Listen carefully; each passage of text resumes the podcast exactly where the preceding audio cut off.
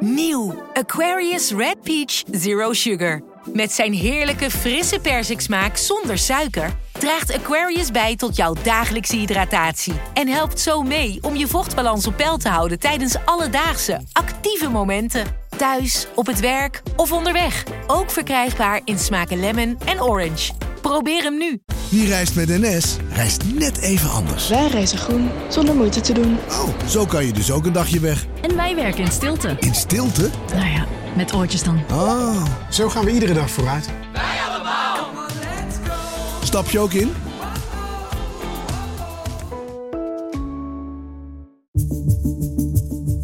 Vanaf de redactie van NRC het verhaal van vandaag. Mijn naam is Thomas Ruip.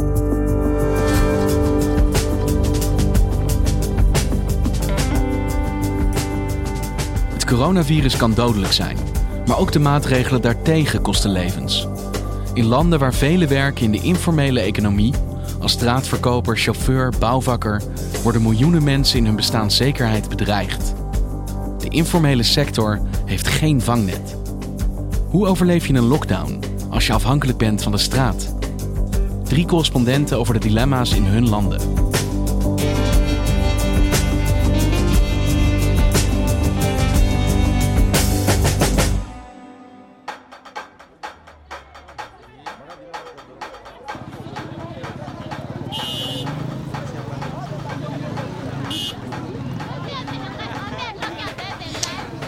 Kenianen die zeggen altijd: We are a nation of hustlers. We zijn een natie van ritselaars. Nou, dat zie je overal op, op de straten in bijvoorbeeld Nairobi. Mensen zorgen voor zichzelf. De overheid hebben ze eigenlijk heel weinig mee te maken.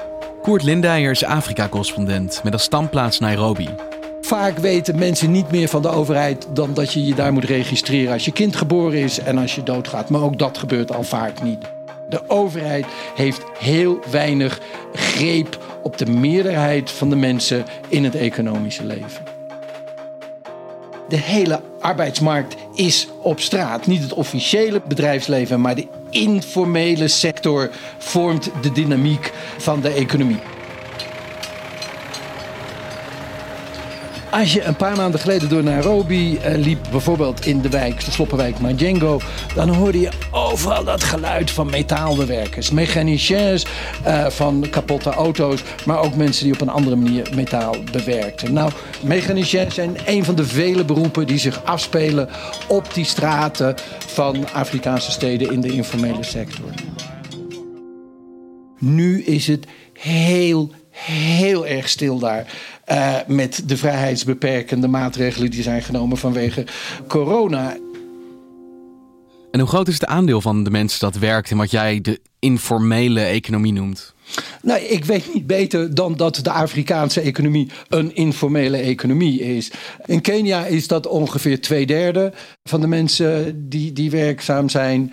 Um, in Nigeria is dat 90 procent, dus het verschilt. Maar over het algemeen in heel Afrika is dat meer dan 60, 70 procent.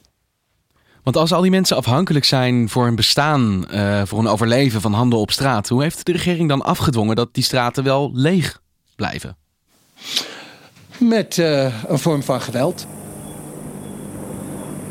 Iedere avond, um, en ik woon in een rijker gedeelte van Nairobi, maar ook in mijn woonwijk zie ik iedere avond rond half zeven, half uur voor het ingang van het uh, uitgaansverbod, komt er een helikopter over. Die schijnt met een, een schijnwerper naar beneden, ziet dus welke mensen er nog op straat zijn, waarschuwt ze vervolgens dat mensen naar binnen moeten gaan. Een uur later, rond een uur of acht, dus een uur na het ingang van het uitgaansverbod, hoor je politie-sirenes en dan ongeveer om half negen hoor je schieten. Of in de lucht schieten of wie weet waarop dan geschoten wordt. Het wordt met geweld afgedwongen. Het wordt steeds moeilijker voor de bevolking om te overleven in deze situatie. Een lockdown is het doodvonnis voor de informele sector. En dat betekent dus dat je twee derde van de werkende bevolking veroordeelt tot niet eten. Er ging een bedrijf in Westland dicht. Dat is een groot financieel bedrijf. eh, waar 70 mensen werken. Althans in Kenia, 700 in heel Afrika. Nou, pech gehad voor die 70 mensen, die krijgen hun salaris doorbetaald. Al die mensen rond dat kantoor. Hè, en nogmaals, van prediker tot prostituee tot verkoper van, uh, van een goedkope maaltijd voor lunch. Al die mensen die zitten nu zonder werk. En die zijn op zichzelf aangewezen. Hey, en wat doen al die mensen dan met een handeltje die aan de ene kant zitten met de lockdown, maar toch ook van de straat afhankelijk zijn voor ja, eten, inkomen? Je bent in Nairobi, je bent in de hoofdstad om geld te verdienen, niet voor je plezier. Wanneer er geen inkomen meer is, is er geen enkele reden om in Nairobi te zijn. Dan is Nairobi verschrikkelijk duur voor de meeste mensen. Dus wat doe je? Je probeert te ontglippen naar het platteland. Daar val je terug op oude uh, structuren van solidariteit. Daar is het eten betaalbaar. Misschien wordt het zelfs op je eigen, in je eigen tuintje verbouwd. Daar is het leven nog redelijk goed. Maar je moet zo snel mogelijk uit die dure stad zien weg te komen als je geen werk hebt. Want dat geldt ook voor de mensen in de informele economie. Een stad als Nairobi is nooit thuis. Het is werk.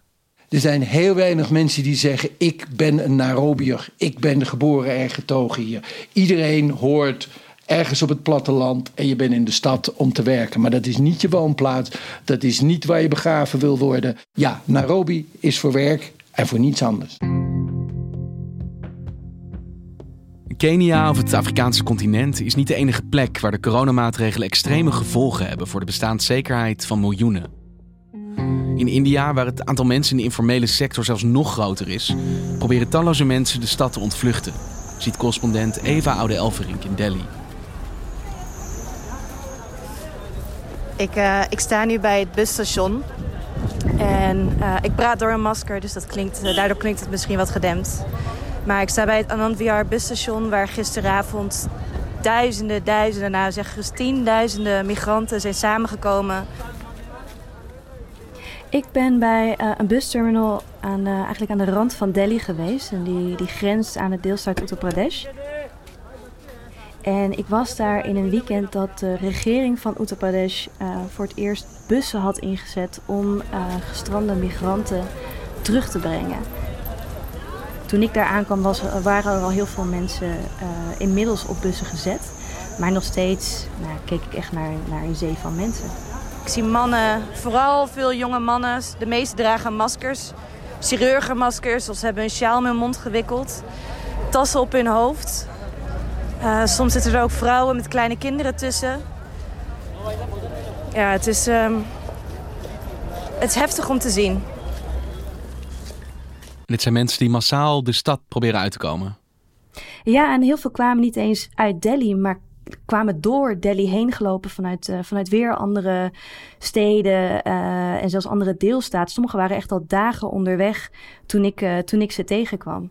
En hadden nou ja, in veel gevallen echt al tientallen en sommige zelfs honderden kilometers gelopen. En waarom wilden ze daar weg? Nou, toen, India, uh, toen de Indiaanse regering aankondigde dat het land op slot zou gaan, legde in één keer ook al het openbaar vervoer stil. En eigenlijk ook ieder aspect in het normale leven. Dus alle werkzaamheden, alles in de, aan de economie kwam praktisch stil te liggen. En dat betekende dat voor eigenlijk al die mensen die ik daar tegenkwam, zij van de een op de andere dag geen werk meer hadden. En zij uh, nou ja, massaal, massaal besloten dat ze dan naar huis wilden. Want ja, er was voor hun geen, geen leven meer daar waar ze waren. Want hoe gaat de regering daarmee om met dit gigantisch ontwrichtende probleem, wat dus eigenlijk ook voortkomt uit de maatregelen tegen corona, uit zo'n lockdown? Nou, dat is een grote kritiek geweest uh, naar deze regering toe. Dat zij eigenlijk ontzettend onderschat hebben hoe grote gevolgen zouden zijn voor deze werkende populatie. Voor al die migranten die ooit naar de stad zijn gekomen. En dat er duidelijk en niet is verwacht dat er zo'n grote ja, exodus op gang zou komen. These are the sort of desperate scenes that you see across India these days. Migrant workers who are desperate to get home. Dit zijn dus mensen die werkzaam zijn in de informele economie. En hoe groot is die in India? Ja, die is enorm groot. Er wordt gezegd dat uh, ruim 80% van de, van de werkende Indiërs in de informele industrie werkt. Maar eigenlijk is het aantal nog groter, want zelfs binnen de formele industrie werken er ook weer mensen informeel. En dan bedoelen ze eigenlijk mensen die gewoon nul vorm van, van vastigheid hebben, geen contract. Eigenlijk komt het dan neer op uh, nou ja, 90% van de werkende bevolking in India. Dus die stad kan gewoon helemaal niet functioneren zonder deze mensen. Maar die mensen kunnen tegelijkertijd niet functioneren in de stad op dit moment. Dat is inderdaad de vrees van de regering. Van wat, hoe, hoe gaan wij onze economie weer op, op kunnen starten? Want die economie is natuurlijk helemaal stilgelegd. Um, als wij al die cruciale factoren, al die cruciale mensen binnen, onze, binnen de economie, als die in één keer niet meer hebben. Um, maar ja, inderdaad, voor die migranten, die hebben juist door wat er in de afgelopen week is gebeurd, zijn ze zo eigenlijk met de neus op de feiten gedrukt over hoe hard hun bestaan hier in de stad is. En ja, in zo'n situatie willen ze gewoon terug naar wat voor hun het veiligst voelt. En als jij zegt, voor zoveel mensen die in de informele economie werken, wordt nu eigenlijk pas echt duidelijk hoe hard het leven is wat ze daar leiden en hoe weinig er overblijft op het moment dat er iets misgaat. Denk je dat die mensen wel terug willen keren naar de stad op het moment dat deze epidemie gaat liggen? Nou ja, voorlopig uh, lijkt het daar niet op. De, de migranten waar, waar ik mee heb gesproken, en ik ben met sommige van hun ook nog steeds in contact, omdat ik hun weg een beetje wil volgen, zeggen allemaal van zelfs al kunnen we blijven werken uh, in de stad, we willen daar nu niet meer zijn. Nou ja, de vraag is vervolgens hoe lang, hoe lang kunnen ze dat volhouden? Want als je het hebt over nu zo'n grote groep mensen die, die terugkeert naar een plek waar het al schrapen was, dat, dat gaat hele ingewikkelde situaties opleveren. Wat is er al enig uitzicht op wanneer het weer in de buurt van veilig gaat worden in de stad?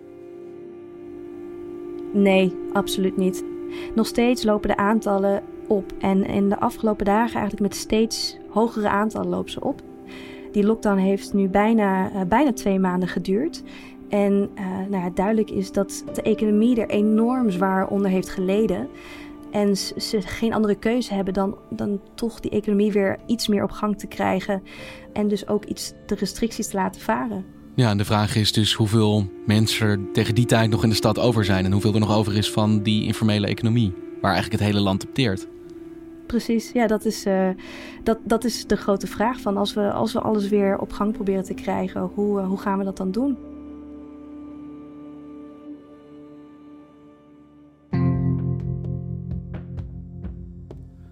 Ook in Zuid-Amerika staan veel landen pas aan het begin van de piek en neemt het dodenaantal nog elke dag toe. En Brazilië is zo'n land. Het virus is verre van bedwongen, maar de maatregelen zorgen er tegelijk voor dat voor het eerst in decennia een oud probleem weer de kop opsteekt, namelijk honger. Dat ziet correspondent Nina Jurna in Rio de Janeiro. Rio, 1 uur s middags zondag. En 10. Het is eigenlijk nu ook steeds duidelijker te zien veel duidelijker te zien hoe mooi Rio is. Het is natuurlijk altijd vol met mensen. nu uh, is het helemaal leeg. Ik heb in een paar weken tijd, heb ik de wijk waar ik woon, Copacabana, heb ik echt van een hele, ja, uh, zeg maar, innoverende, uh, levendige wijk, heb ik dat achteruit zien gaan naar een doodse wijk waar vooral heel veel mensen op straat nu leven. Er zijn geen uh, strandverkopers, die je ook altijd ziet. De stalletjes op de boulevard zijn gesloten, de, de, waar je normaal een drankje kan halen. Nou, het is allemaal dicht. Het strand van Copacabana is verlaten, de vaar ook. Wij doen ons uh, dagelijks blokje om, voordat we weer uh, naar binnen gaan. Dus ja, het is een hele andere wijk geworden, waar mensen die dus gewoon niks meer hebben en uh, echt getroffen zijn door die economische malaise ja, die op straat belanden. En echt allemaal mensen die dus in deze coronacrisis dakloos zijn geworden. Ja, absoluut. En dat zijn er heel veel. 40% van de Brazilianen werkt sowieso in de informele sector. En met name in mijn wijk zie je dat normaal heel goed omdat het allemaal uh, ja, vooral straatverkopers zijn. En het aantal besmettingen is nog niet aan het afnemen. Brazilië zit nu op bijna 12.000 sterfgevallen en uh, bijna 170.000 besmettingen. En de laatste dagen kwamen er dus per dag 600, zelfs een keer 700 doden bij. Dus Brazilië zit nog lang niet aan het einde. Integendeel, we zitten aan het begin van de curve. Ja, en toch lijkt dat op een of andere manier haaks te staan op wat wij hier horen van de Braziliaanse president Bolsonaro. Die eigenlijk zo'n beetje lijkt uit te stralen alsof er geen probleem is in Brazilië.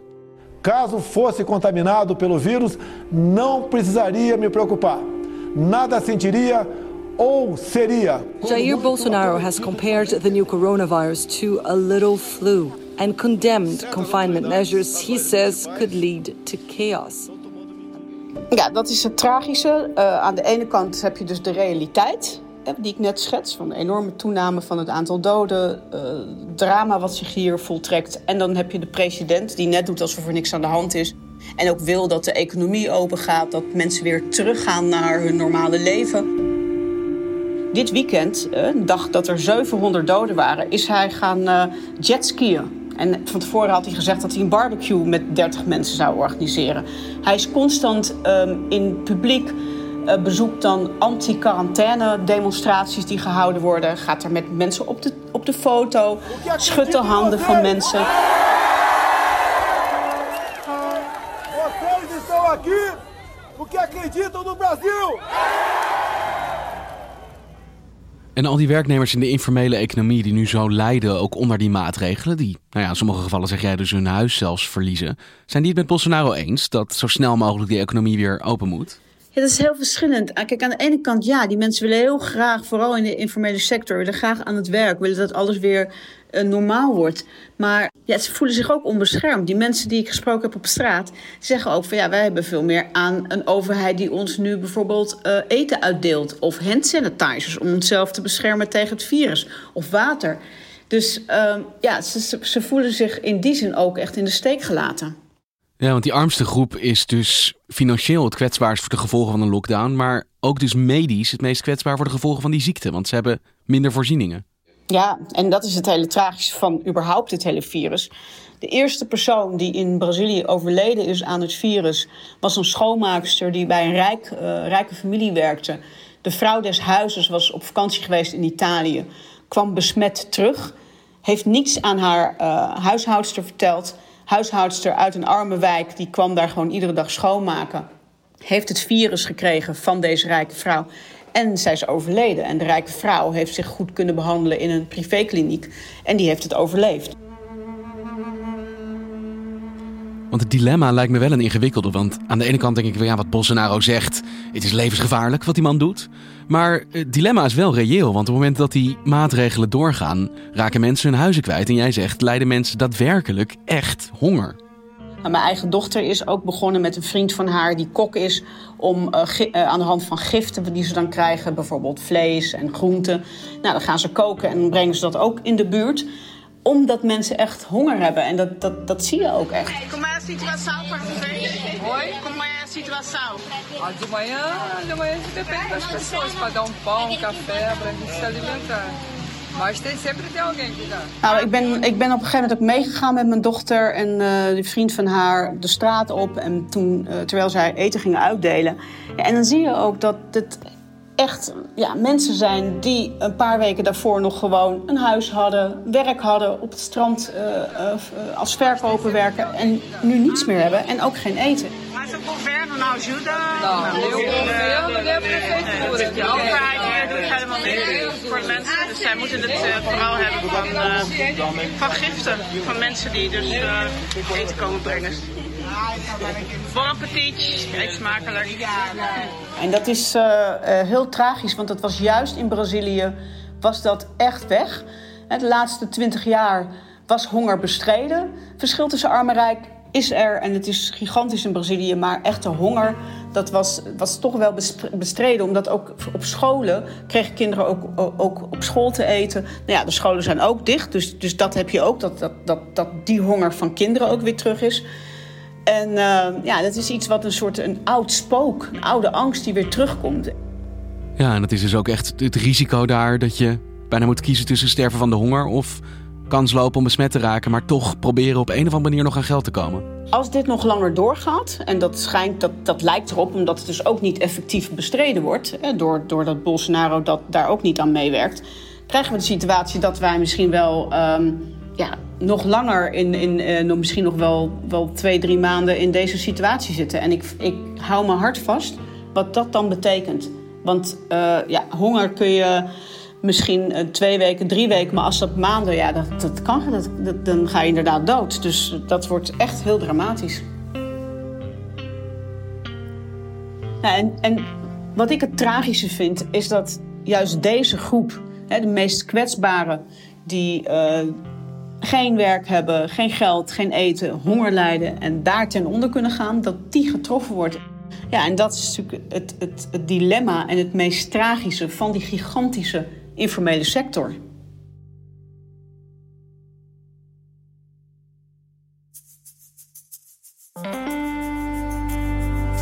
Je luisterde naar vandaag, een podcast van NRC. Eén verhaal, elke dag. Dit was vandaag, morgen weer.